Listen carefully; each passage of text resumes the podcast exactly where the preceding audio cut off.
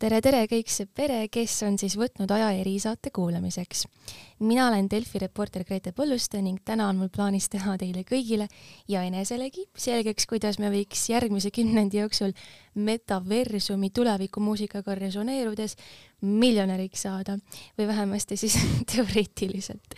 ja sel põhjusel oleme siis Delfi stuudiosse vedanud tehnikaentusiastist futuristi, kui nii võib öelda, Sander Kanseni, kelle vaevaks on meid siis järgmise pooltunni või pikema aja jooksul vastavalt siis ka harida. tere, Sander! tere, Grete! Ma viskasin pilgu su LinkedIni kontole ja mõtlesin, et äh, võiks äh, su olemuse siis kuidagi siin alguses lahti selgitada, eks ole, aga ma jäin natuke hätta sest ma loen siis ette need terminid, mille sa oled endale külge pookinud. tarbimisahela digitiseerija, WOF looja, NFT koguja ja plokiahela evangelist Need on siis äh, minu rõlged otsetõlked lihtsalt inglise keelest eesti keelde. aga äkki sa ise tõlgid nüüd meie kuulajatele need tiitlid tavainimese jaoks arusaadavasse kontekstikeelde, et äh, kes sa oled ja mida sa teed? Ja, mina olen Sander. me eelmise aasta algul lõime sellise arendusettevõtte nagu Wof Labs, mille raames me täna tegutseme nii tarneahelate valdkonnas kui ka eh, NFT-de eh, ja mängude valdkonnas. ja mis see tähendab, on see, et eh, tegelikult juba aastast kaks tuhat neliteist oleme me koos sõpruskonnaga ehitanud erinevaid tarneahela ja logistika valdkonna startup'e, varasemalt Shipitwise, mille me hiljem müüsime ettevõttele Space ja nüüd siis ehitame uut asja protokolli nimega Suplane.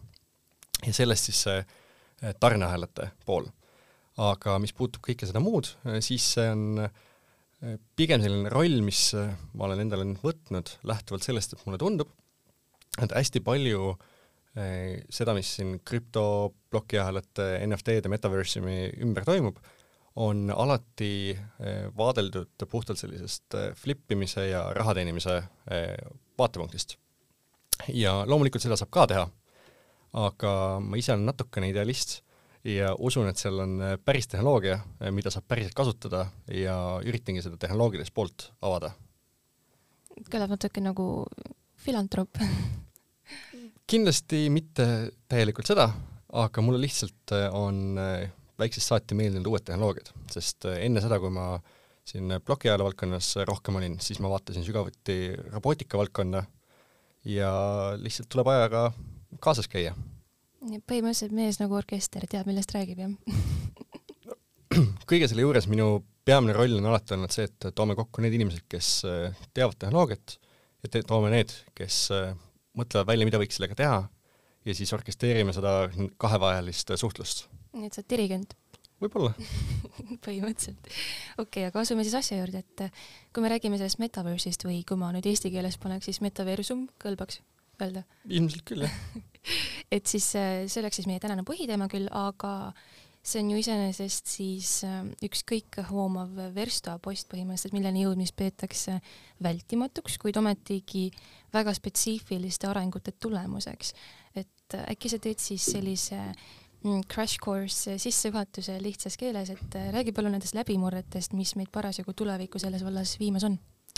ja, ja ilmselt tuleb alustada oluliselt varasemast kui sa vaatad tagasi juba kaheksakümnendad, üheksakümnendad, kus tekkisid arvutimängud, mida inimesed päriselt tahtsid mängida.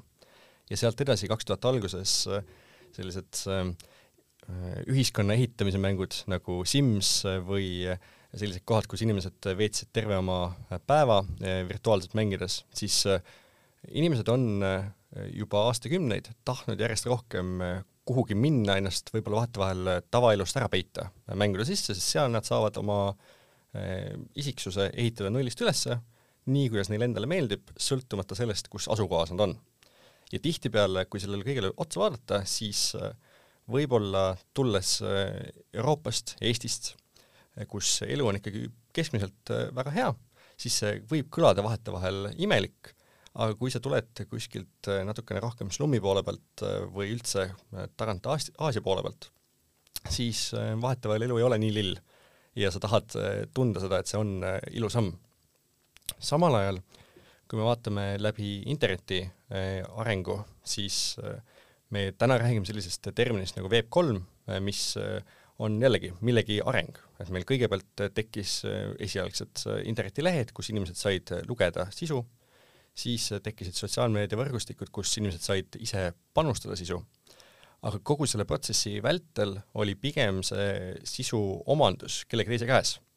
ja nüüd eh, koos siis eh, krüptoblokiahelate Web3 arenguga on tekkinud see kontseptsioon, et inimesed saavad ise midagi päriselt omada. ehk siis eh, tegelikult juba jällegi, see ei ole ka midagi uut, sest äh, lähme tagasi kümme-viisteist aastat, mängud, RuneScape, mingid muud MMO-d, kus inimesed ostsid-müüsid erinevaid relvi või mütse või mingeid muid asju. ja jällegi, vanakooli inimesele kõlab see imelikult, aga noortele meeldib selliste asjadega tegeleda ja nüüd lihtsalt äh, sul on äh, NFT-dega seoses tekkinud see kindlus ka, et kui sa ostadki mingi asja, siis see ongi päriselt äh, üks kümnest tuhandest, mitte seda ei saa niisama juurde tekitada.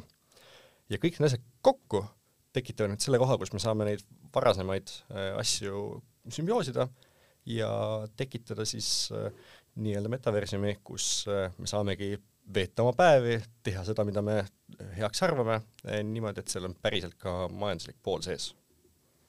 aga kui see noh, selles mõttes jah, ma saan aru seda muutust nagu üldjoontes, aga kui seda näiteks tõlkida ühiskonna pilti ümber, et mis sa arvad, mis muutused see endaga kaasa toob lisaks sellele, et see omandivorm on nagu muutumas?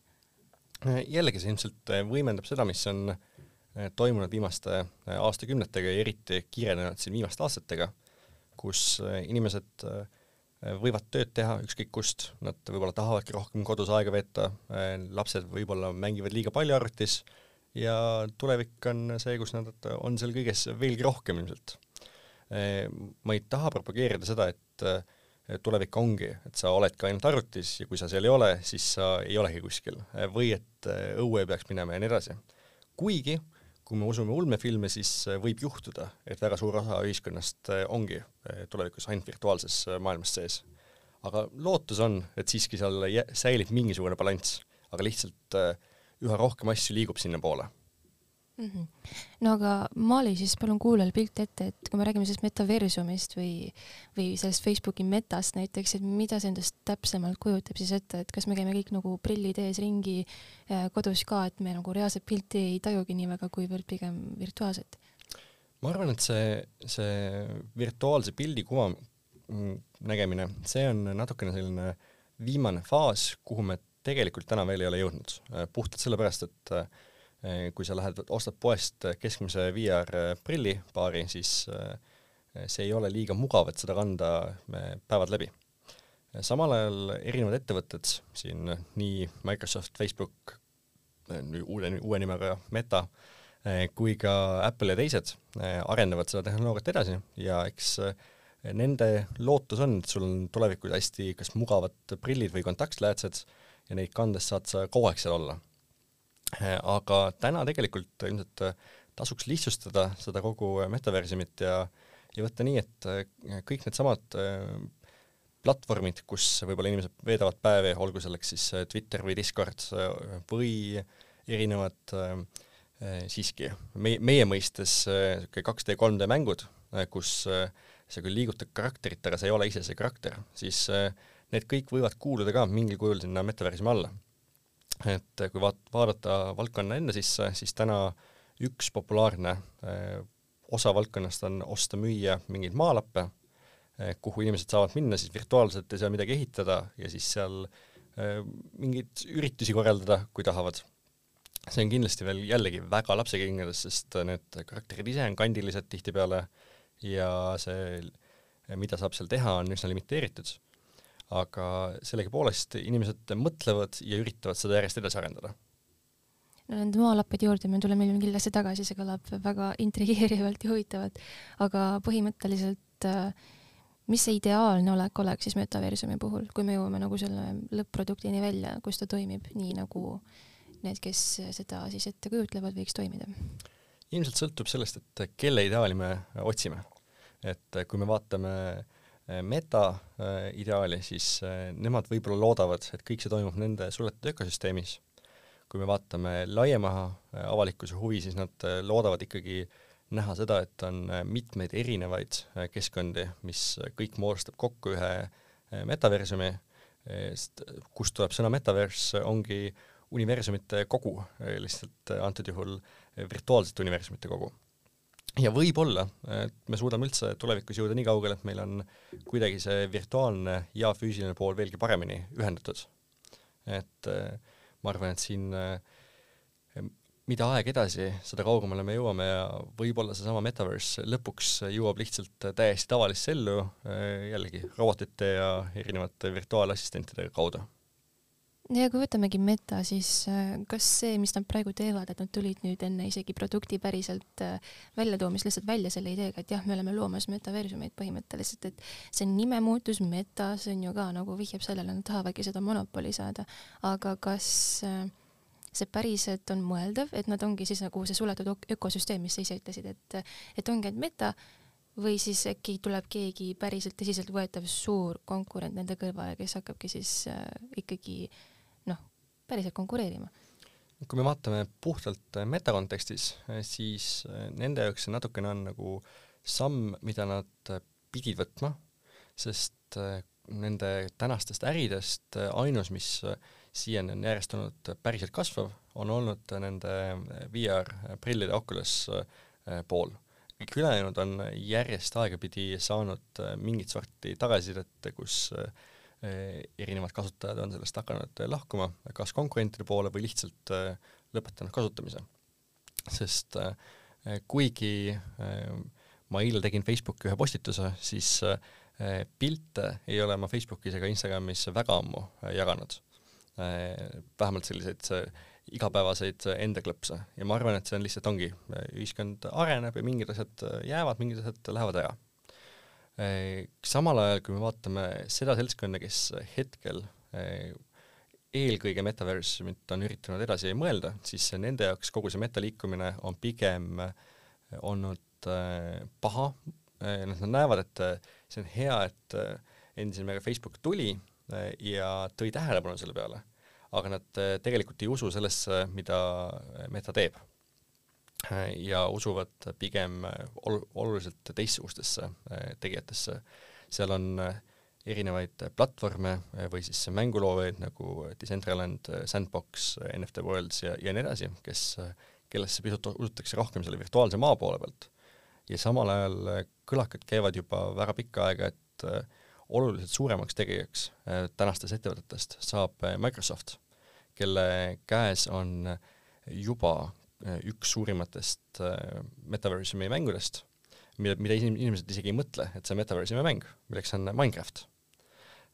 ja eks selle kõrval kohe on teine suur konkurent on üldse hiinlaste poole pealt Tencent, kellel on ka oma selline suur, hästi paljude inimeste poolt mängitud mäng et võib-olla kõik see, mis praegu toimub uute asjade tegemise poole pealt, ongi eksperimenteerimine ja need reaalsed lahendused on needsamad mängud, mida inimesed juba mängivad ja need natuke lihtsalt arenevad edasi. aga kui võtta see Facebooki see ümberbrändimine põhimõtteliselt, siis see meta, et noh, see ei taandu ju ainult Facebooki peale, see privaatsus probleem, eetikaprobleemid, info liikumise äh, mitte modereerimine, kui võtta nagu pahatahtliku info liikumise mitte modereerimine, et äh, need teised ettevõtted, kõik näiteks siis ka Microsoft, et äh, kas need eetika ja privaatsusprobleemid äh, on sinu meelest edasi liikumas metaverse'i või siis jäävad need siia nagu möödanikku ja kui nad liiguvad edasi, kas nad on võimendumas? kindlasti liiguvad kuhugi maale edasi eetika poole pealt lootus on, et seda, seal on ikkagi piisav, piisavalt palju karjujaid, et hakatakse mingite osadega rohkem tegelema ja, ja minu enda lootus on samuti selles, et me oleme kõiges, mis me teeme, hästi eetilised. mis puutub aga privaatsusesse, siis äh, see on pigem nähtus, mis on ajas järjest kadumas. Äh, aga see ei ole üldse, see ei tähenda seda, et see võiks olla halb, vaid samal ajal, kui privaatsus kaob, siis tekib eh, rohkem avatud ühiskond, kus on veelgi selgemalt näha, et mis on sinu oma. ja sel-, selle pinnalt see privaatsus võibki hakata kaduma, et kuna, kui kõik teavad, et see on sinu oma, siis järelikult sa ei tea enam privaatselt, et see on minu oma, vaid kõik teavad, et see on sinu oma. ja, ja nii nagu kui me võtame kas või Eesti riiklikud teenused nagu siis meie terviseandmete pool, siis need ei ole privaatsed, need on kõigile kättesaadavad. küll aga sul on ehitatud süsteemid, et kui keegi vale inimene neid vaatama läheb, siis tuleb linnuke püsti ja võib minna küsima ja isegi mingites olukordades karistama seda. ehk siis vahetevahel on avatud süsteemid oluliselt turvalisemad eh, kui suletud süsteemid, sest suletud süsteemis sa lihtsalt ei tea, et keegi käis eh, sinu andmeid vaatamas. No see on huvitav viis, kuidas seda vaadata, et avatus võrdlub eh, rohkem turvalisusega. selle poole oli kunagi üks huvitav mõte, kui Dubais mulle öeldi, et teie, eurooplased ja ameeriklased, räägite kogu aeg sellest, et on turvalisus ja privaatsus, aga tegelikult äh, jälgite inimesi. meie ei räägi kellelegi privaatsusest, kõik teavad, et me jälgime inimesi Need ütle ausalt välja pigem jah, okei okay. Aga see metaversumi tulek äh, nii suur ja nii mitmekülgne, kui ta on, seda peetakse ju võrdseteks momentidega, kui tuli see World Wide Web või siis näiteks sotsiaalmeedia arenes äh, selliseks, nagu ta praegu meile tuntaval kujul on ehm,. nagu mis on ühiskonnas kui võtta näiteks poliitika ja riigi valitsemine või mingid siuksed asjad, et need nihked, mis muutuda võivad, mis, mis tulemas on? Jaa, äh, ilmselt tuleb jällegi vaadelda seda natukene laiemalt kui lihtsalt äh, metaversum, vaid siis kogu see Web3 liikumine, kus omandisstruktuurid muutuvad, kus tekivad viisid, kuidas virtuaalselt liigutada varasid lihtsamini, kus inimestel on võimalik järjest rohkem asju lihtsalt tehagi virtuaalselt, siis mis see kaasa toob?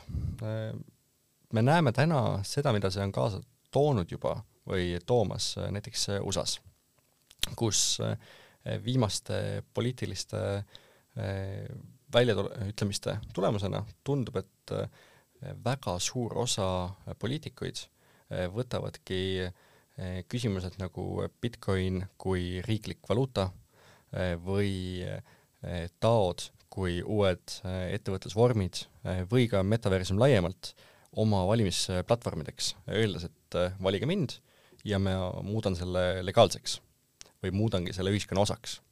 ja, ja kuivõrd ilmselt mingile osale ühiskonnast tundub see hirmuäratav, siis teine osa ühiskonnast lähebki selle peale valima.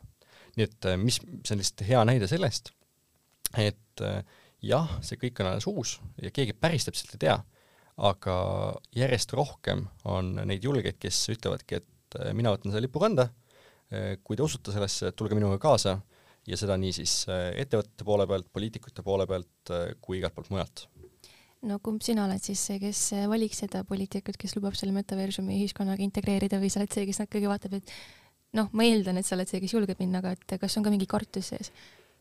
Sõltub, et kui ikkagi mõni väga tugev paremäärmuslane seda lippu hakkab kandma, siis talle kohe sellepärast, et ta nüüd õiget argumenti vedama hakkas, ei anna oma häält. Aga, aga kui inimesena on kõik hästi ja ka teised punktid lähevad kokku, siis, siis võib-olla küll. aga samal ajal ma usun, et kui me vaatame ühiskonna võttes laiemalt, siis äh, tekibki järjest rohkem neid ettevõtteid ja poliitikuid ja teisi osapooli, kes võtavadki ainult ühe küsimuse oma platvormiks, milleks ongi see, et muudame selle asja valuutaks või muudamegi metaversumi tavaliseks nähtuseks. Mis sa arvad, milline grupp ühiskonnast võib kõige skeptilisemalt suhtuda metaversumi tulekusse? ma arvan, et tegelikult kõige skeptilisemalt vaatavad seda kõik need, kes, kellel on täna elus hästi. ehk siis äh, need, kes äh, võib-olla ongi äh, juristid, pankurid, edukad ettevõtted vanast maailmast ja nii edasi, et nende jaoks see on ohtlik, sest nad peavad hakkama muutuma. Ja mitte midagi muud, see, see ei ole seda, et nad ei saaks muutuda või see oleks kuidagipidi keeruline, vaid puhtalt sellepärast, et inimesed on mugavad ja nad ei taha muutuda Äh, selle tulemusena ilmselt äh, järgmisena äh, on, või noh, sellesama asja kõrval tegelikult on meediaettevõtted kindlasti, kes peavad veel eriti palju rohkem muutuma. ja, ja kuna nende käes on ruupor ennast kaitsta, siis neil on võimalus läbi selle ka võib-olla teisi lihts-, lihtsamalt mõõdetavaid inimesi panna selle peale mõtlema, mitte et öelda, et see on täiesti paha, aga vähemalt natukene nagu suunata, et äkki see ei ole hea. ja, ja sellest lähtuvalt siis teise grupina on ilmselt need lihtsalt, kes ongi kergesti mõõdetavad, keda ühiskonnas on ka väga palju ja ma arvan, et kõige, kõige vähem on selle kõige vastu noored, kes on kasvanud üles, mängides taolisi mänge ja vanad, kellel on lihtsalt ükskõik sellest. et näiteks minu vanaema on täiesti poolt, sest tema vaatab, et noortel on hästi, tal ei ole halvasti, seega tehke. no arusaadav, aga nüüd mõelda selle meediarolli peale, et noh, et kas sa siis eeldaksid, et tuleviku huvides või lihtsalt selles mõttes, et edasimineku huvides, arengu huvides oleks meedial roll siis äh, teatud seisukoht võtta, mis pooldaks seda kõike? sõltub. kui me vaatame ajaloos tagasi, siis äh, enamasti äh, ludiidid ei võida, ehk siis need, kes on tehnoloogiale vastu. no nad võib-olla pidurdavad pisut seda arengut, aga kui asi on õige, siis see läheb läbi Eh, loomulikult eh, ajaloos on mitmeid näiteid sellest, kus eh, mingid tehnoloogiad olid vahepeal väga tähelepanu keskpunktis ja ei läinud edasi. küll aga tavapäraselt need on tulnud sellise ühekordse, teemegi paar kuud kampaaniat või paar aastat ja siis kaovad ära. samal ajal kui see, mis meil täna ühiskonnas juhtub, on siin juba varsti kolmeteistkümnendat, neljateistkümnendat aastat, vaikselt hakkab tunduma, et äkki ikkagi ei kao ära et ja siis sellises hetkes äh, on, äh, on juba küsimus, et kas see ettevõte, meediaettevõte julgeb selle rolli vastu võtta. Ja kui jah, siis tal on, tulevik näitab, kas on rind haavleid täis või ei ole, aga kui ei ole, siis on kindlasti tal teiste ees eelis. No kui nüüd liikuda nende üldisemate äh, ideede või dünaamikate pealt, siis ettevõtluse lihtsalt ärinduse valdkonna peale, siis äh, millised nihked seal olustikku domineerima asuvad?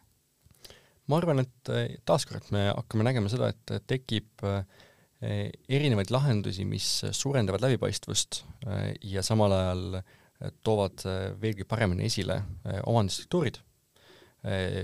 võttes hästi lihtsad näited, siis kui täna kontserdi või mõne konverentsi pilet, on sul lihtsalt äh, paberilipik, äh, mis äh, keegi ukse peal usub, et jah, see vist oli õige, siis seda on üsna lihtne kopeerida ja, ja keegi läheb sisse ja keegi isegi ei tea, kas see õige, kes see sinna päriselt sisse läks.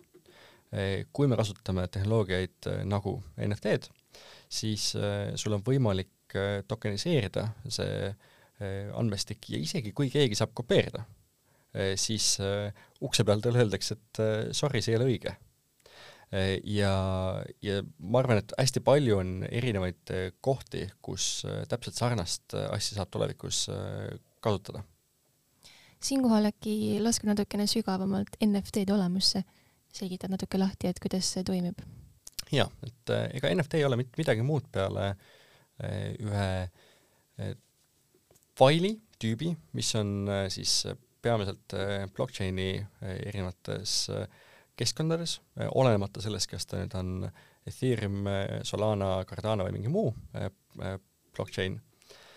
ja ta on seal peal siis see andme, andmestik, mida lihtsalt saab, sinna peale saab ükskõik mida panna, aga sul on, sellega käib kaasas see, et sul on teada, kes või milline rahakott on selle omanik ja see on ilmselt selline keeruline termin jällegi, et eh, kuidas internetis on võimalik täna eh, tuvastada, et miski on sinu või ei ole sinu, on puhtalt sellega, et sul on internetis oma eraldi identiteet, mis on seotud sinu rahakotiga ja see ongi siis sinu rahakotis.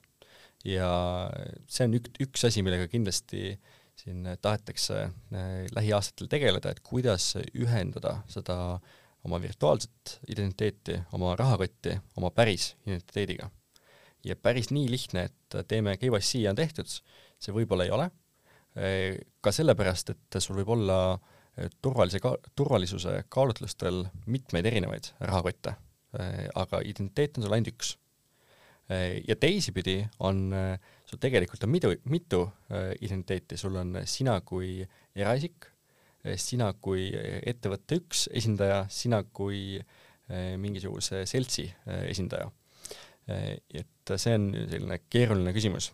aga, aga laiemalt siis nüüd tagasi NFT-de juurde tulles, sul ongi siis nii-öelda failitüüp, kus peal võib olla eh, mingisuguseid andmeid otse või need võivad olla lingitud eh, kuskilt keskkonnast. aga põhiline osa sellest on see, et sinna on külge pandud, et sina oled selle ostnud ja see on sinu omanduses mm. -hmm. Ja noh, NFT-de puhul räägitakse hästi palju nendest kunstiteostest, eks ole, mis müüakse maha ilmatama suurte summade eest, aga see ei ole ju absoluutselt kõik, nagu sa ütlesid, piletid näiteks või, või lihtsalt, et kus on vaja nagu tõestada miskit, et äh, et jah, see on originaal mm. -hmm. seda küll saab teha ainult veebis ilmselgelt onju, et see ei rakendu ju kuidagi tegelikult äh, puudutavatele asjadele teoreetiliselt äh,. liigub väga hästi, äh, sul on äh, meile endale äh, hästi lähedane teema on logistika ja täpselt sarnast tehnoloogiat me rakendame ka Suplane'i siseselt, kus äh, sul on võimalik tekitada digitaalne teisik igale sellele füüsilisele toimingule. et ongi vaja pakk viia Hiinast Eestisse seal täna toimub see nii, et Alibabal on oma keskkonnas teada, et pakk läks välja, midagi ta näitab sulle kui kliendile ja Omniva saab kogu info selle leibeli pealt, mis on sinna karbi peale pandud, kus on te-, aadress, kuhu seda viia, nimi ja võib-olla isegi telefoninumber. ehk siis väga ebaturvaline viis, sest keegi võib saada kõik su andmed teada, aga, aga samal ajal Eh, see on see, kuidas täna töötab. Eh, ja miks see nii on, on sellepärast, et süsteemid ei ole omavahel ühendatud. Eh, läbi plokiajale NFT-de on võimalik tekitada viis, kus samal ajal, kui läheb see füüsiline pakk välja, liigub ka võrku digitaalne info selle paki kohta, kus on lingitud see selle triipkoodiga, mis selle paki peale on pandud ja paki peal rohkem mitte midagi ei peagi olema peale selle triipkoodi ja nüüd, kui keegi teeb skänni, siis ta saab virtuaalselt sellest NFT-st info, mis seal sees on ja kui ütleb, et see pakk on nüüd siinmaal, siis virtuaalsesse süsteemi pannakse see info sisse jälle. Et sul tegelikult on võimalik need kaks maailma äh, ühendada, see virtuaalne ja füüsiline. samal ajal me näeme juba praegult liikumist sinnapoole, et kui sa vaatad erinevaid luksuskaupasid, olgu selleks mõni kallis auto või mõned kümme tuhat eurot maksvat äh, Nike'i jalanõud, siis inimestele meeldib osta kalleid asju, nad vahetevahel isegi ei kasuta neid, nad panevad kuskile seisma. Aga selleks, et nad saaksid ikkagi inimestele näidata, et neil on see, siis ka ettevõte nagu Nike või Adidas on nüüd liikunud metaversumisse läbi NFT-de, et ostad füüsilise paari, saad digitaalse ka ja nüüd kasuta, kuidas tahad. No aga kui me võtame selle triipkoodi näiteks, et äh, see on ikkagi ju noh, füüsilisel kombel ta on teisaldatav, sa saad ju selle näiteks välja lõigata sealt ja panna mingi teise paki peale, et selles mõttes noh, seal on ju vaja mingit ähm, tagatis sellisel juhul, et füüsiline ja virtuaalne käib tegelikult ka koos, et kuidas see käiks? ma arvan, et siin on äh, kuskile maale on äh, mitmeid küsimusi, mis tuleb alles läbi arutada ja, ja kuskile maale, kui keegi tõepoolest äh, lõikab tripkoodi välja ja paneb selle teise paki peale, siis on tegemist pahatahtliku käitlemisega ja jällegi, seda on võimalik välistada läbi selle, et kui pakk jõuab kohale ja saaja näeb, et see ei ole õige asi, siis ta teeb sellest pildi ja paneb selle sama NFT külge. ja nüüd see esialgne saatja saab teada, et juhtus mingi jama ja tema saab siis juba oma partneritega eh, edasi suhelda. ehk siis jällegi see, see NFT nii-öelda seal küljes eh, võimaldab igasugust andmetüüpi peale panek, panna. seal võib olla siis eh, see aadress, kuhu tuleb viia, seal võib olla see pilt, et mis on hetkeolukord, seal võib isegi olla GPS data, et näha, kas, kas see pakk päriselt liikus ja kus ta liikus ja kus ta vahepeal liiga kaua seisis kas see on mõeldav ka, et no ilmselgelt on mõeldav, et NFT-sid hakatakse kasutama ka nagu pahatahtlikel eesmärkidel, et kuidas seda nagu reguleerida või tagada, et et seal vallas liiguks pigem nagu häid asju kui halbu, kui nii-öelda? Sõltub, mida sa mõtled pahatahtlikul eesmärgil. puhtalt sellepärast, et ma ise näen, et NFT on üks halvemaid viise, nii nagu ka laiemalt kogu plokiahel, kuidas teha kuritegevust puhtalt sellepärast, et NFT-d ja kõik ülejäänud tegevused, mis toimuvad plokiahelatel, on ainsana maailmas täielikult reisitavad.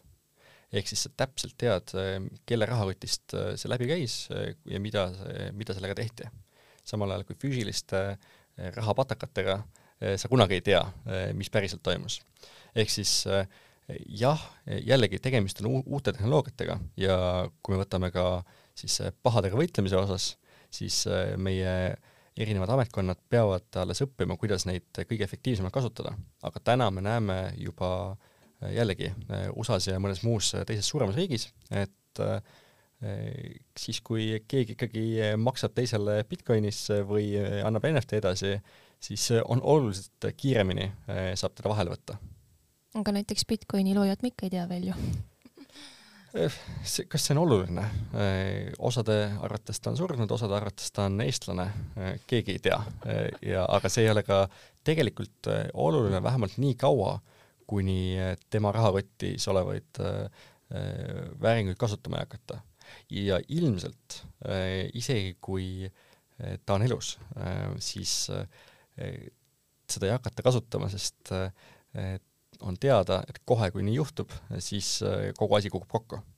nii et meie, meie turvalisus seisneb selles, et me, kogu asi on üles ehitatud väga eetilistel ja filosoofiliselt tugevatel piiridel ja tuleb lihtsalt loota, et need jäävad püsima praegult mm. -hmm aga nüüd see, kuidas tulevik hakkab välja nägema nende maalappide osas, virtuaalsete maalappide osas, see tundub nii veider kontseptsioon, et natukene äkki manad pilti ette, et kuidas see päriselt töötada võiks, kuidas see võimalik on? jaa, et äh, minnes siis hästi konkreetselt sinna kunsti ja, ja mängude NFT-de poole, siis äh, kõigepealt meil tekkisid erinevad äh, karakterid, äh, kas siis kassid või mingid äh, inimesed või äh, tulnukad. ja neid lihtsalt osteti-müüdi. siis tekkisid järgmisena NFT-d, kus sul oli võimalik midagi nende NFT-dega juba teha. sa said näiteks panna kaks kassi omavahel kolmanda kassi tegema. või sa said osta poest prillid ja panna need kassile pähe Äh, ja teha nii, et see kõik on plokiahelal näha. ja see on täpselt see faas, kus iga tehnoloogia algab, et algul see tundub äh, meie jaoks mäng ja naljakas äh, ja aegapidi läbi nende testide see muutub järjest rohkem päris asjaks. tänaseks me oleme nüüd jõudnud sinnamaani, kus NFT-sid kasutatakse paljudes mängudes igapäevaste asset itena, kus sul ongi, su karakter on teada, et see on see, su äh, bluus on teada, et see on õige. Ja nüüd, et eh, tagada detsentraliseeritust eh, ehk siis eh, kogule sellele mängijaskonnale võrdset võimalust midagi omada, siis võeti seesama maalapp, mille peal kõik liikusid, hekseldati see ka tükkideks, enamasti siin kümneks tuhandeks või sajaks tuhandeks tükiks. Ja müüdi need ka maha. ja see ei tähenda nüüd seda, et keegi ei saa sealt läbi kõndida tingimata aga ainult see keegi konkreetne saab seda edasi ehitada, vajadusel edasi müüa. Ja võib-olla saab sinna ka teha mingi aia ümber ja öelda, et kui sa tuled minu juurde, siis maksa mulle kaks dollarit selle eest, et sa minu maalapilt üle käisid no see maalapi teema viib äh, reklaaminduseni mu meelest, et need pindade rendid ja näiteks virtuaalreaalsuses, kus nagu niisama päeva jooksul ringi vaadates sa ei näe pinda, siis äh, oletame, et sul on see metaversum äh, silme ees läbi läätsete või, või mille iganes, et siis sul on lihtsalt puhtas õhus põhimõtteliselt reklaam. Et kuidas see võiks töötada? Täpselt nii töötabki juba täna, et ma arvan, et üks kõige esimesi ettevõtteid, kes seda hakkas väga professionaalselt kasutama, on Coca-Cola Coca-Cola on eh, müünud nendesse samadesse metaversumi mängudesse oma logodega riideid eh, ja samamoodi on ostnud õiguse, et panna mõnele ägedamale majale Coca-Cola silt peale. ja, ja täna, nii nagu ikka, siis inimesed kopeerivad reaalmaailma virtuaalkeskkonda ja nii on ehitatud virtuaalseid Times Square'e, kus sul on kõik needsamad ekraanid, kuhu saad panna reklaame mängima Eh, kui erinevaid muid eh, ägedaid keskkondi, kus eh, reklaame on võimalik lihtsasti näidata, et kaasa arvatud meie enda poole pealt, me ehitame siin ühte rallimängu ja selle sees kommuun ise pakkus meile, me isegi ei olnud enne selle peale mõelnud, et võiks ju hakata kõigepealt võimaldama reklaamina müüma nende võidusõitude nimesid, et ettevõtted saavad tulla ja panna sinna oma nime ja siis võib-olla panna kuskile taustale ka mõne ettevõtte logo ja kui juba seda kõike teha, siis äh, auhindadeks nende ettevõtete tooteid ja nii edasi, et äh, lõpuks äh, sellised läbitöötatud ärimudelid nagu reklaam tulevad ikka ja jälle tagasi mm. -hmm. aga mis ma olen tähele pannud nende metaversumi kogukondade ja toodete ja kõige selle puhul, seal on hästi palju erinevaid mingeid neid tokeneid, et kas see nagu natuke seda raha põhimõttelist otstarvet ei löö paigast ära, et sul oleks võimalikult vähe tarvis lihtsalt konverteerida valuutasid üksteisest nagu noh, selles mõttes, et see tundub ju niivõrd rets kogus erinevaid krüptorahasid, mida silmas pidada ümber teisendada kogu aeg, kui sa tahad osta ühes keskkonnas asju versus teises, sul on, ma ei tea, mitu krüptovaluutat praegu, et äh, kuidas sellega toime tulla? siin on äh, tegemist tegelikult äh, kolme erineva nähtusega suuresti te-, ühelt poolt on stabiilvaluutad, mis täna üritavad siis olla täpselt võrdsed dollariga või oodataksegi, et tehtakse euro stabiilvaluuta, et saaks lihtsalt seda digitaalselt kasutada. miks seda vaja on, on sellepärast, et riigid ei ole veel ise teinud, viinud oma olemasolevat valuutat virtuaalseks, nii et see oleks kõigile mugavalt ja läbipaistvalt kasutatav ma saan aru, et äh, nii Euroopa Liit kui äh, Ameerika Ühendriigid kui äh, Hiina ja paljud teised mõtlevad selle peale, kuidas oma valuutasid sinna viia ja kui see ära teha, siis teoreetiliselt ei olegi enam vaja selliseid valuutasid rohkem, neid stabiilvaluutasid. samal ajal nüüd teine osa on erinevad inglise keeles governance token, mis siis tähendab laias mõttes omandi eh, tokenid, eh, mis eh, ei ole jällegi väga palju erinevad kui mõne ettevõtte aktsia, mis annab sulle lihtsalt võimaluse minna hääletama, mida see parasjagu ettevõte peaks järgmisena tegema ja kui jagatakse dividende või kasumit või midagi muud, siis annab see õiguse sul seda kätte saada. et selles mõttes jällegi see on üks samm edasi ja täna räägitakse sellest, et ka tavalised äh, aktsiad äh, võiks viia äh, sellisele tokeniseeritud süsteemile, lihtsalt sellepärast, et siis oleks veelgi rohkem läbipaistvust ja saaks sinna teha, ehitada peale erinevaid uusi lahendusi. ja kolmas teema on siis sellised kasutustokenid. ja need on mõeldud selleks, et jooksutada erinevaid süsteeme, makstes sellele süsteemile mingisugust süsteemi tokenit. ja miks need on eraldi kõigest sellest e eelnevast, on see, et ühelt poolt need ei ole seotud selle äh, omandiga, selle nii-öelda olgu siis aktsia või mis iganes muu sõnaga kasutada, et sellepärast, et nad ei taha, ta ei saa hinnas nii palju tõusta, vastasel juhul juhtub see koht, kus selle programmi kasutamine on liiga kallis. teiselt poolt ta ei ole ka stabiilvaluuta, sellepärast et aeg-ajalt arvutusvõimsus ei luba kõikidel tehingutel läbi minna ja siis on vaja mingisugust ajas muutuva väärtusega äh, tokenid sinna vahele. et see on põhjus, miks üldse on nii palju tokeneid, et igal sellel süsteemil on oma toimimiseks äh, vaja äh, mingil määral tokenit. kui me nüüd läheme hästi lihtsalt tagasi sinna, et kas meil kui kasutajatel, kes lihtsalt tahavad minna sinna metaversumisse ja osta seal oma virtuaalne maalapp ja oma virtuaalne reklaamipind, kas meil on tingimata vaja mingit teistsugust tokenit, kui me ei taha olla omandi jagamises ja kui me ise ei ehita sinna peale midagi, siis ei ole vaja et äh, siis äh, tulekski loota lihtsalt, et äh, tuleb digitaalne euro ja saab seda kasutada seal.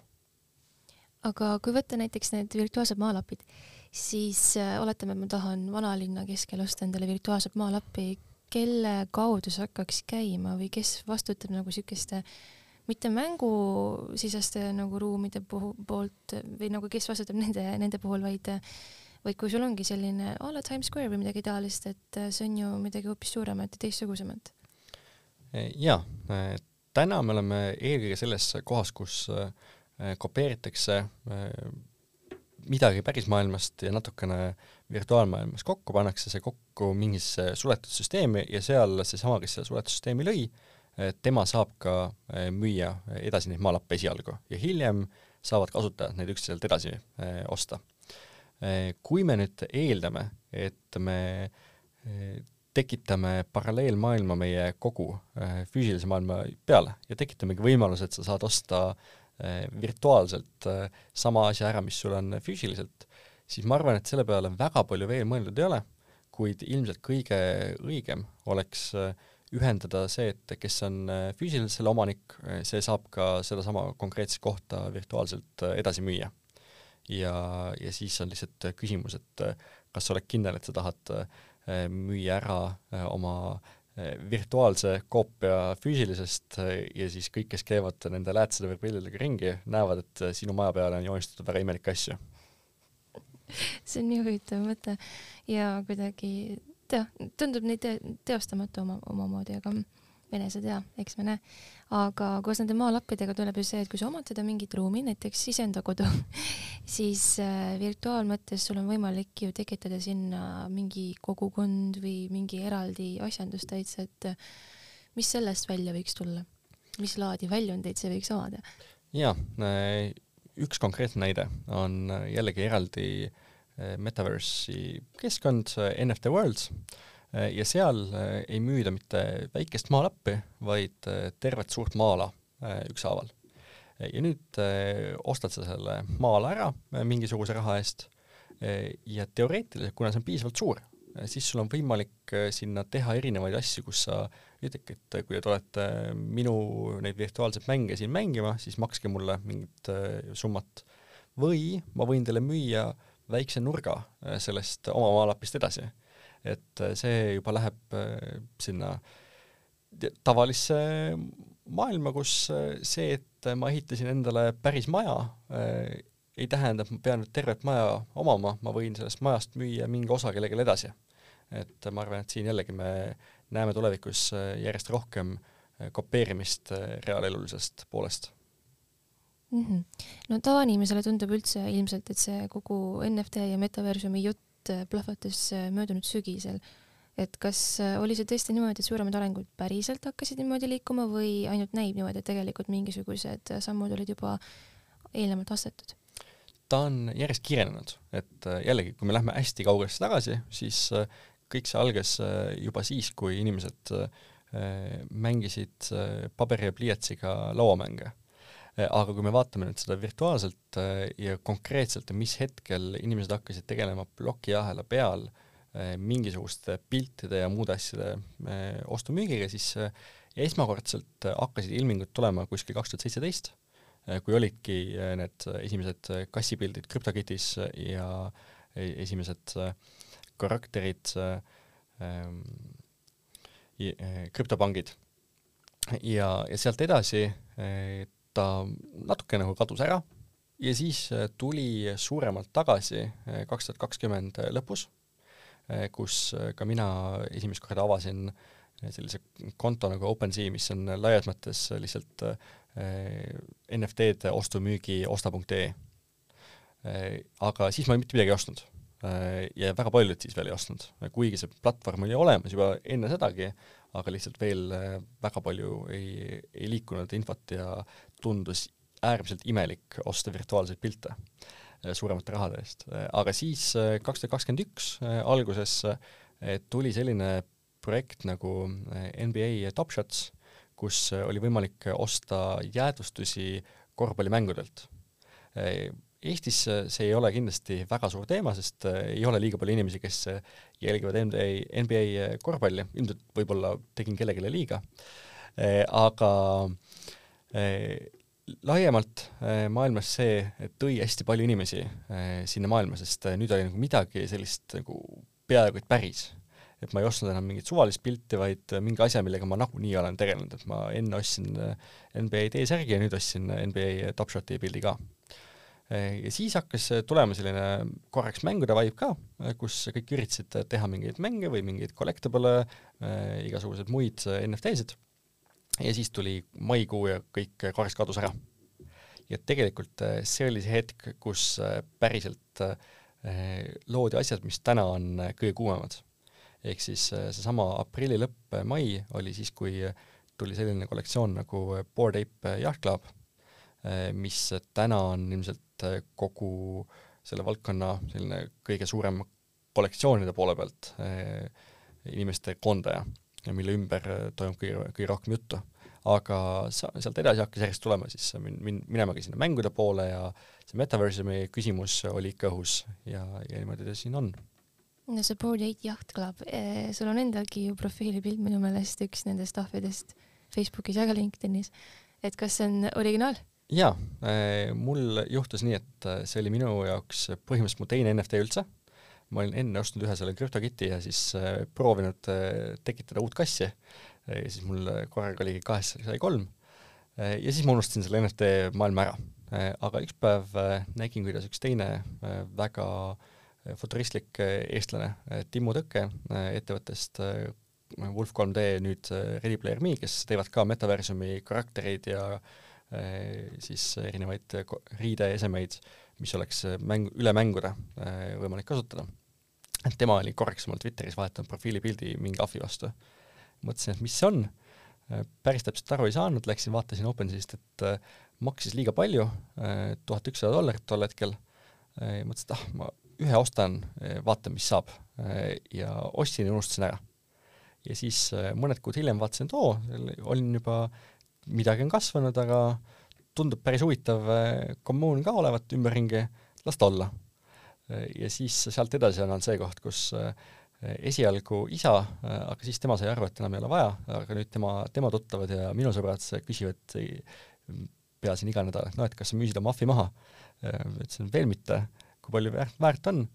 viimase seisuga vist kakssada viiskümmend tuhat, aga samas ma ei vaata seda ise kui investeeringut, sest seesama kommuun seal ümber ja kõik need ülejäänud tegevused on avanud väga palju teisi uksi kus äh, täna me ei ehitaks seda, mis me praegu ehitame, ilma selle toeta, et äh, meil oli see kommuun kõrval äh, sellest samadest ahvidest. nii et see on natukene laiem kui lihtsalt investeering. ja see CryptoKitty, kuidas sellega läheb täna? see vist on, oli väärt äkki sada dollarit ja ikka on väärt sada dollarit, kuna, kuna igaüks saab endale kassi järjest juurde tekitada, siis sealt väga sellist finantseer-, investeerimiskohta mm, ilmselt ei leia mm. -hmm. aga see ahv just nimelt, et äh, no seal on ju nii palju neid teistsuguseid versioone sellest ahvist, ma vaatasin, scroll isin alles, et äh, seesamas OpenSeas minu meelest vaatasin, seal on ikka toh ja neid nii palju variante. ja kui on nii palju erinevaid ahve, kes on kõik nagu väga sarnased samal ajal, siis ütle, mis on nagu selle võlu äh, originaali omamise võtmes, et tegelikult ma võin ju copy paste ida selle pildi endale ise kuskile, et teen näo, et mul on see olemas, aga tegelikult ei ole. Äh, jaa, äh, selle kontseptsiooni nimi äh, NFT maailmas laiemalt on right click save ja sellega tehakse palju nalja, et ma saan selle pildi endale ükskõik kuidas, ma ostan kas siis mingisuguse koopia kollektsiooni oma või lihtsalt kopeeringi selle endale, aga inimesed, kes seda nii vaatavad, see Eh, vaatavad ühest peamisest asjast mööda. Eh, tulles tagasi, NFT-d ei ole mitte midagi muud peale omandisertifikaadi. ehk siis sa ei osta mitte seda pilti, sa ostad selle sertifikaadi, mis ütleb, et sa ostsid selle pildi. Eh, või selle, sa ostsid ligipääsu selle pildi taga olevasse kommuuni. ja see tähendabki, et täna on puhtalt nendest ahvidest on kümme tuhat teoreetiliselt inimest, kes saab neid omada lisaks seal taga on teine kollektsioon äh, kuni kahekümne tuhande äh, esemega ja need kuni kolmkümmend tuhat inimest saavad tulla kokku täna ühte siis virtuaalsesse keskkonda Discordis, kuhu pääseb ka ainult siis, kui sa valideerid ära, et mul päriselt on see ahv olemas. aga mitte ainult seda, läbi selle kommuuni täna on juba tekkinud erinevaid teisi väljundeid, kus võib-olla osad järgmised NFT kollektsioonid ütlevad, et me müüme ainult ahvidele, kui sa ei ole, kui sul ei ole ahvi, siis sa ei saa osta. Eh, või nagu toimus ehm, novembris New Yorgis eh, üks suurem sorti NFT üritus, eh, siis seal seesama seltskond, kes need ahvid tegi, tegi kaks eraldi pidu, kus üks oli jahipidu ja teine oli selline Ankaris suur pidu, kus olid mitmed kuulsad nimekad artistid ja ja tasuta baar ja sinna sai sisse ainult siis, kui sul see ahv oli. ja nüüd äh, me oleme kuulnud, et siin äh, planeeritakse selleks aastaks veelgi suuremat üritust sarnast ja mida on veel hinditud, on see, et Miami'sse tuleb eraldi hotell slaš klubi, kuhu saab sisse ainult siis, kui sul see ahv on. ehk siis seal ongi natukene rohkem kui ainult see pilt. loomulikult jällegi, keskmise Rapla kolmekümne-aastase noormehe jaoks ei ole sellest mitte midagi, sest ta ei lähe kunagi Miami'sse mingisse hotelli, aga kui sa oled eh, natukene rohkem siin, kui sa juba elad seal kandis või kui sa oled lihtsalt eh, globaalne ja käid igal pool, siis see eh, võib juba olla argument. aga sinu enese jaoks, et kas need on sellised väljundid, mis paneksid sind ostma kahesaja viiekümne tuhande dollari eest ühte pilti, omandiõigust sellele pildile? kahesaja viiekümne tuhande eest ma seda kindlasti ei ostaks endale. ma arvan, et ma lihtsalt ei ole piisavalt ei rikas ega Äh, nii väljapaistev, et ma tahaksin seda sellepärast teha. Äh, samal ajal täna me näeme seda, kuidas erinevad kuulsused, kes lihtsalt kardavad jääda mingist ringist välja, ostavad neid pilte järjest kallimalt, näidates, et nad on ka ikka veel in. ja sealjuures mõni teeb vahepeal seda, et ta maksab lihtsalt viis korda rohkem üle. Siin alles eelmisel nädalal Justin Bieber ostis eh, vist ühe koma nelja miljoni eest pildi, mille eh, väärtus tol hetkel oleks pidanud olema midagi kuskil kahesaja, kolmesaja tuhande kanti. et inimesed teevad erinevaid imelikke asju, aga ma arvan, et see on niisugune inimkonna üldine foon inimesed teevad imelikke asju, jah. aga noh, see NFT hinna, hinna mõttes nagu see mull või midagi, tundub ikka, et mull läheb katki ka või? Kindlasti mingi hetk läheb, et äh, ma just äh, hommikul siia tulles kuulasin ühte äh, Youtuberit, kes äh, rääkis ka NFT maailmast. Ja tema seisukoht oli see, et äh, praegult on, kui sul on NFT-sid, siis praegult on väga hea aeg, äh, sest äh, järgmine kuu ilmselt hinnad veel äh, liiguvad ja sealt on võimalik raha teenida. Äh,. pärast seda äh, ta eeldab ka, et tuleb korraks mingisugune kukkumine, see võib tulla homme, see võib tulla siis kuu aja pärast ja siis eks aeg näitab, mis, mis ellu jääb. Ja selline laiem konsensus on et, et üheksakümmend kaheksa protsenti asjadest kaovad kindlasti ära ja kaks protsenti asjadest, neid hakatakse uuesti kopeerima. ja sinu igal, igavlev ahv, kui niimoodi võtta, et eh, mis sellest saab, kas sa oled valmis seda ka müüma peagi või sa mõtled seda, et äkki jääb ikkagi dekaadi pikkuseks investeeringuks? ma võtan teda pigem ikkagi äh, oluliselt pikemaajalise investeeringuna ja siis ka lihtsalt näen, et seal on nii palju huvitavaid asju, mis on veel toimumas, et äh, selle kohta äh, professionaalsed investorid ütlevad, et äh, on äh, inimestele tavaliselt äh, meeldib osta asju äh, tipus, kui nad on juba liiga kallid ja nad äh, müüvad neid asju siis, kui need on äh, juba ära kukkunud ja veelgi enam, äh, inimesed teevad ühe suure vea, nad ei lase oma võitjatel eh, edasi kasvada, sest nad alati kardavad, no aga varsti peab ju lõppema. Ja täpselt samamoodi need, kes kunagi ostsid Amazoni või Apple'i aktsiat, on järjest öelnud, aga noh, peab ju lõpuks minema mull katki. ja ei lähe, ja ei lähe ja niimoodi juba kolmkümmend aastat. et loomulikult mingi hetk tuleb kuskilt raha välja võtta, kui seda on vaja ja kindlasti, kui me räägime puhtalt investeerimisest, siis kui keegi täna otsustab või on otsustanud investeerida NFT-desse või laiemalt plokiahela valdkonda, siis mingi hetk tuleb sealt raha välja võtta selleks, et teha oma elu paremaks, osta oma korter välja, vaadata, et perel oleks raha järgmised viis aastat rahulikult elada ja võib-olla reisida, aga, aga jah, see, niikaua kuni see asi on tehtud, siis ei pea tingimata kõike maha müüma, aga võib no millal sa arvad, millal inimesed lähevad laiemalt NFT-de peale lainena? ma arvan, et eh, nad lähevad laiemalt NFT-de peale siis, eh, kui eh, NFT-d on võtnud üle sellise laiema kasutuse niimoodi, et inimesed ei pea teadma, et nad ostsid NFT-sid. ehk siis täna me oleme ikkagi väga varases faasimis, kus me peame rääkima, et see on NFT ja seda võiks osta sellepärast. aga kui me vaatame nüüd äh, sellest kunstist kaugemale, vaatame sinna päriselt äh, kasutuskohtadesse, nagu needsamad konverentsipiletid äh, või, või kas või sertifikaat maja ostuks. et tol hetkel, kui see tehnoloogia on lihtsalt tehnoloogia osa ja mitte enam eraldi toodud välja kui NFT, siis inimesed hakkavad seda väga hea meelega kasutama. Ja see on ka põhjus, miks me üheskoos Delfiga korraldame NFT Tallinna üritust, kus me tahamegi anda kohalikele tehnoloogiaga juba huvitatud inimestele, nii nendele, kes ehitavad, kui investeerivad, kui lihtsalt seda kogevad, neid mõtteid, et mida kõike saaks selle tehnoloogiaga teha.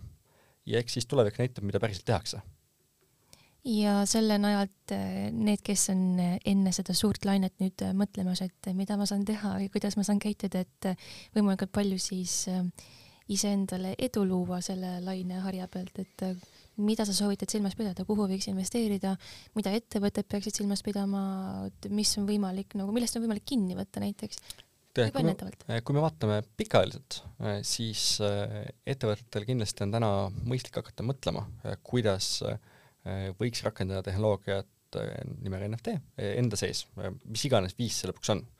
ja, ja võib-olla on veel võimalus siin järgmiste nädalate, kuude, võib-olla pikema aja jooksul kuidagipidi ostes mõni NFT, seda välja promoda, öelda, et näed, meie ostsime ja me oleme nii ägedad selle pärast. see on täpselt see, mida varasemalt on mitmed ettevõtted teistes riikides teinud kuigi ma kindlasti ei julge seda soovitada, sest see on pigem selline eh, eriti tänaste hindade ja võib-olla, et Hypecycle'i lõpufaasis pisut riski koht. Eh, samal ajal ma arvan, et need, kes pikaajaliselt tahavad selles kõiges sees olla, siis tasuks hakata nüüd jälgima, et mis, mis praegult toimub. ma, kui sa ei ole varasemalt veel üldse sellesse maailma vaadanud, siis võib-olla kohe ei tasu minna ostma midagi aga tasuks äh, pilku peal hoida, äh, võtta paber-pliiats, hakata kirjutama üles, mis töötab, mis ei tööta. Äh, näiteks siin viimane, see on siin tõesti viimase kahe nädala küsimus, on see, et Hiina ja laiemalt Aasia inimesed tulid tagasi NFT-desse ja päris kuum teema on kõik, mis on animega seotud. ehk siis kõik NFT-d, mis on anime stiilis, peamiselt siis ilusate tüdrukute piltidest neid ostetakse väga palju ja hinnad kerkivad väga kiiresti kõrgustesse. Äh, ma ise täiesti kogemata ei mõelnud selle peale, tol hetkel äh, ostsin kolm sellist pilti, tol hetkel vist mingisugune äkki kuuesaja dollari eest ja siis müüsin kaks päeva hiljem päris suure kasumiga maha. et nad lihtsalt on inimesed teevad eh, igasuguseid huvitavaid asju, praegult on see Hypecycle'i osa. aga jällegi, see ei tähenda, et eh, see on siin eh, järgmine nädal, see ei tähenda, et see on siin kuu aja pärast, et ma arvan, et selliseid, eriti kui me räägime asjadest, mis on kiire kasvuga, siis nende puhul tuleks eeldada, et varsti see muusika lõpeb ära ja siis jääb mingi osa sellest alles, mis siis oli nii-öelda päris, et täna ongi see faas, kus tasub jälgida, et äh, mis on päris ja mis on äh, nali. aga kui võtta need kõikvõimalikud variandid, mis on üldse tulemas, jällegi see piletimüügi teema, võib-olla logistilised asjad, et mis on need mingisugused tühjad kohad, mida saaks startup'id täitma hakata? Neid, kas või needsamad valdkonnad ja mitmed teised, neid, neid on palju me ise üritame siin äh, oma äh, ettevõtte siseselt äh, kirjutada erinevaid blogiartikleid sellest, et mis on veel kasutuskohad, kus NFT-sid võiks kasutada, kus tegelikult täna veel väga palju kasutajaid ei ole.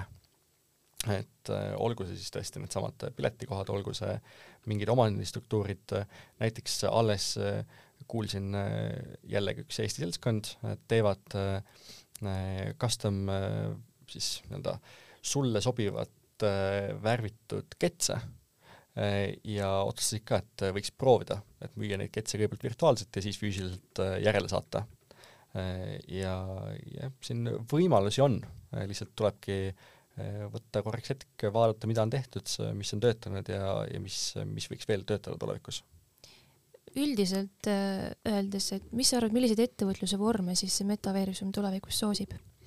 Kõige rohkem kogu see seltskond, kes siin kaasa mõtleb, otsib viise, kuidas muuta päriselt võimalikuks selline kontseptsioon nagu DAO. DAO on siis lühend detsentraliseeritud automaatne organisatsioon, mis tegelikult tähendab seda, et sul on kood, mis teeb kõik tegevused ise ära ja sul ei ole vaja tingimata operaatoreid selle tegemiseks. küll aga sul on omanikud, kes on tavalised inimesed, kes saavad hääletada ühiselt selle järgmiste sammude osas, kes saavad sealt võtta võib-olla raha välja ja nii edasi. natukene võib see mõnele kuulajale meenutada sellist natukene kommunistlikku, sotsialistlikku lähenemist, kus on ettevõtlusvorm, kus kõik koos otsustavad ja ilmselt pisut seal selliseid ilminguid on, aga täna tundub, et just nende samade tehnoloogiate, kus on võimalik näha äh, Eh, plokiahela pealt, et eh, kes olid need, kes päriselt mingi asja poolt hääletasid, kui suur osalus sellest asjast on, siis see vorm on muutunud eh, tehtavaks ja täna on lihtsalt küsimus see, et kas seda peaks reguleerima teistmoodi kui tavalist osaühingut ja kui jah, siis millised riigid on valmis seda esimesena tegema. et täna jällegi, Ameerikas juba on osad osariigid, kus DAO on eraldi kontseptsioon. Äh, Eestis äh, ma tean, et siin on palju osapooli, kes äh, mõtlevad selle peale, küll aga veel ei ole mõelnud keegi konkreetsetest ministeeriumitest, kus, kus neil oleks see võimalus, et majandus, ettevõtlusministeeriumist on inimesed selle peale mõelnud, aga nemad ei saa seda reguleerida, justiitsministeeriumist veel ei ole, et siinkohal kutsun üles Justiitsministeeriumi inimesi mõtlema, et kas äkki taoda on kontseptsioon, kus me tahame kaasa mõelda. aga, aga laiemalt äh, me näemegi sellist äh, kollektiivset äh, juhtimist, kollektiivset äh, kaasamõtlemist juba algusfaasidest, et kui varasem viis, kuidas ehitada ettevõtet, oli see, et tulid kokku kolm sõpra, mõtlesid, et teeme niisuguse asja, võtsid ise oma raha, hakkasid midagi ehitama, siis kuskile maale jõudsid, kaasasid mingi investori, näidates talle, et vot, on ju äge projekt, investor andis ka raha Äh, ja siis nad tegid selle valmis ja siis läksid inimeste juurde, ütlesid, et äh, vaadake, kui äge, inimesed ütlesid, et ei ole üldse äge. ja, ja nii äh, suri järgmine startup. aga mis on tänases sellises kommuunimajanduses teistmoodi, on see, et enne, kui sa hakkad midagi ehitama, enne kui sa lähed kellelgi raha kaasama, sa saad kohe kaasata kommuuni. ka meie tegime seda, et tegime eraldi kanali, kuhu me tõime kokku tänaseks tuhat viissada inimest ütlesime neile, et niisugune plaan on, mis te arvate? Kui teile meeldib, siis hakkame kaasa mõtlema ja mõtleme, kuidas see ära teha. ja jagame neile siiani kõiki oma materjale avalikult, ütleme, et nii, andke meile päriselt tagasisidet, et kas see on hea mõte või ei ole. ja nii me järjest koos kommuuniga kollektiivselt kas-, ehitame, sest lõpuks nemad võivad saada meie investoriteks või meie kasutajateks ja on oluliselt parem, kui nad saavad juba äh, Äh, väga varases faasis tagasisidet anda. nii et see kommuunimajandus on siis äh, põhimõtteliselt see, mis tulevikus hakkab domineerima ka sinu silmis? Äh, mina näen küll jah, et kaks sellist kõige suuremat muutujat ongi see, et meil on oluliselt tugevamad omandistruktuurid ning et meil on kommuunimajandus mm. -hmm. ja just nimelt see läbipaistvuse aspekt, et mis sa arvad, kas siis kogu terve maailm muutub läbipaistvamaks ja korruptsiooni muutub noh, et see on aina vähem ja aina, aina vähem. see on ilmselt selline tore ideaal, eh, mida päris nii ei juhtu. Eh, me näeme juba täna selle peale, et eh, ka plokiahelad ei ole kõik ju avalikud plokiahelad, osad on suletud, osad on hübriidid. puhtalt sellepärast, et kui on kaks logistikaettevõtet, Omni või Tella, siis nad kumbki ei taha, et nende konkurent teaks täpselt, mis nende numbrid teevad või kus on nende pakiautomaat kõige magusamas kohas ja, ja sellest lähtuvalt mingisugune osa privaatsust jääb sisse, eriti ettevõtlusesse. Ja ilmselt ka kuskile maale meie eraisikute elu, eludesse. aga, aga kindlasti läbipaistvus tekib juurde ja kontrollitavust läbi selle samuti mm. -hmm ja nüüd, kui kogu see asi kokku võtta, et seal on ikkagi nii palju muutumas ja no selles mõttes, et äh, ikkagi terve maailm on üle minemas põhimõtteliselt äh, plokiahela peale ikkagi, siis kui äh, uskuda mu sõpru, siis mitte ja aga no kui võtta nüüd kõik need arengud, et ikkagi see, mis praegu juba on krüptorahade ülalpidamine põhimõtteliselt, see keskkonnamõju. et rohepööre, kõik see kliima, kliima, kliimaprobleemid ja nii edasi, et kuidas sa seda näed, et äh, kuidas me seda rohepöörde kõige taustal suudame ülal pidada ja noh, need elektrihinnad juurde onju. siin on äh, kaks, äh, kaks asja. Äh, esiteks, kui me vaatame laiemaid plokiahelaid, siis tõepoolest esimesed plokiahelad, mis tulid, kaasa arvatud siis Bitcoin, olid tehtud sellise siis turvamehhanismiga nagu proof of work, kus keegi pidi mingisugust tööd tegema selleks, et turvata mingi siis võrku ja teha tehinguid. Turvata, see tähendab siis seda, et keegi kolmas osapool ei saaks tulla vahele, öelda, et ma tegin te tehingu kiiremini äh, ja äh, võib-olla võtsin sult vahetehing, vahelt äh, kogu raha ära või mingi muud asja. ja proof of work siis see töö mõttes, see, et sa pididki jooksutama servereid, mis kulutavad e-, energiat. küll aga täna tehnoloogia poole pealt on äh, Äh, hästi palju liikumist äh, sellise uue kontseptsiooni peale nagu proof of stake, kus ei pea taolist tööd üldse tegema, seal on teised turvamehhanismid, äh, kus loomulikult keegi peab kuskil mingit serverit jooksutama, aga oluliselt väiksemas ma-, mahus ja energiat kulub oluliselt vähem. ehk siis kõik saavad aru, et energiat ei tasuks niisama kulutada ja sellega tegeletakse. samal ajal on teine pool selles, et jah, meil on hästi palju juttu olnud läbi viimaste aastakümnete Eh, rohepöördest. aga eh, kui, kui vaadata nagu hästi reaalselt eh, otsa endale ausalt, siis räägitud on palju, tehtud ei ole peaaegu midagi. ühelt poolt meil on see, et jah, ettevõtted ostavad erinevaid karbonkrediite ja selle tulemusena justkui ütlevad, et me nüüd maksime kinni kogu selle hulga süsinikku, mis me oleme maailma toonud aga samal ajal jätkavad süsiniku tootmist äh, ilma, et äh, viies oma autosid näiteks äh, siis fossiilkütustelt elektri peale. aga samas isegi, kui nad selle viiksid, siis võib-olla see ei muudaks ka midagi, sellepärast et meie tootmine on vananenud. ja kui me vaatame laiemalt, siis, ja see ei ole üldse probleem Eestis, see on globaalne probleem, et aastast tuhat üheksasada seitsekümmend edasi meil on olnud energiadefitsiit, kus energia infrastruktuuri pole investeeritud piisavalt vahendeid ja, ja tegelikult äh, sealtmaalt edasi on kogu äh, maailma areng hakanud pidurdama. Äh, ja sellist energiamahukaid asju nagu lendavad autod ei ole sealtmaalt tehtud ja läkski kõik ainult arvutite peale, sest see oli see, mida sai selle energiamahuga teha. ehk siis tegelikult kogu plokiahelate valdkond ja samal ajal ka teised kõrvaltehnoloogiad nagu elektriautod on välja toonud selle, et meil on äh, Eh, vaja väga kiiresti hakata muutma midagi meie energia infrastruktuuri maailmas, et hakata rohkem energiat eh, tootma ja toota seda rohelisemal viisil. et eh, loomulikult on tore öelda, et plokiajald on süüdi, aga tegelikult seal on oluliselt suurem probleem mm. -hmm. no selge, aga ma arvan, et me olemegi siin oma saatega põhimõtteliselt lõpule jõudnud, võib-olla kokkuvõtvalt siis ikkagi äh, ütled mõned äh, soovitussõnad äh, konkreetsed, et äh, millega siis alustada inimestel, ettevõtetel, et metaversumi arengutega kaasas käia? jaa, kõigepealt tasub lugeda kõiksugu materjale, mis on kas siis inglise keeles kättesaadavad või me siin kogu selle Web3 community'ga oleme järjest üritanud ka eestikeelset materjali luua ärilehes Delfis tuleb äh, päris palju äh, ägedaid artikleid, mis selgitavad, kuidas see kõik töötab. nüüd me teeme koos Delfiga konverentsi NFT Tallinn, kus saab ka minna süvitsi sisse, et mida päriselt saab teha üldse. ja tulebki lihtsalt rohkem uurida.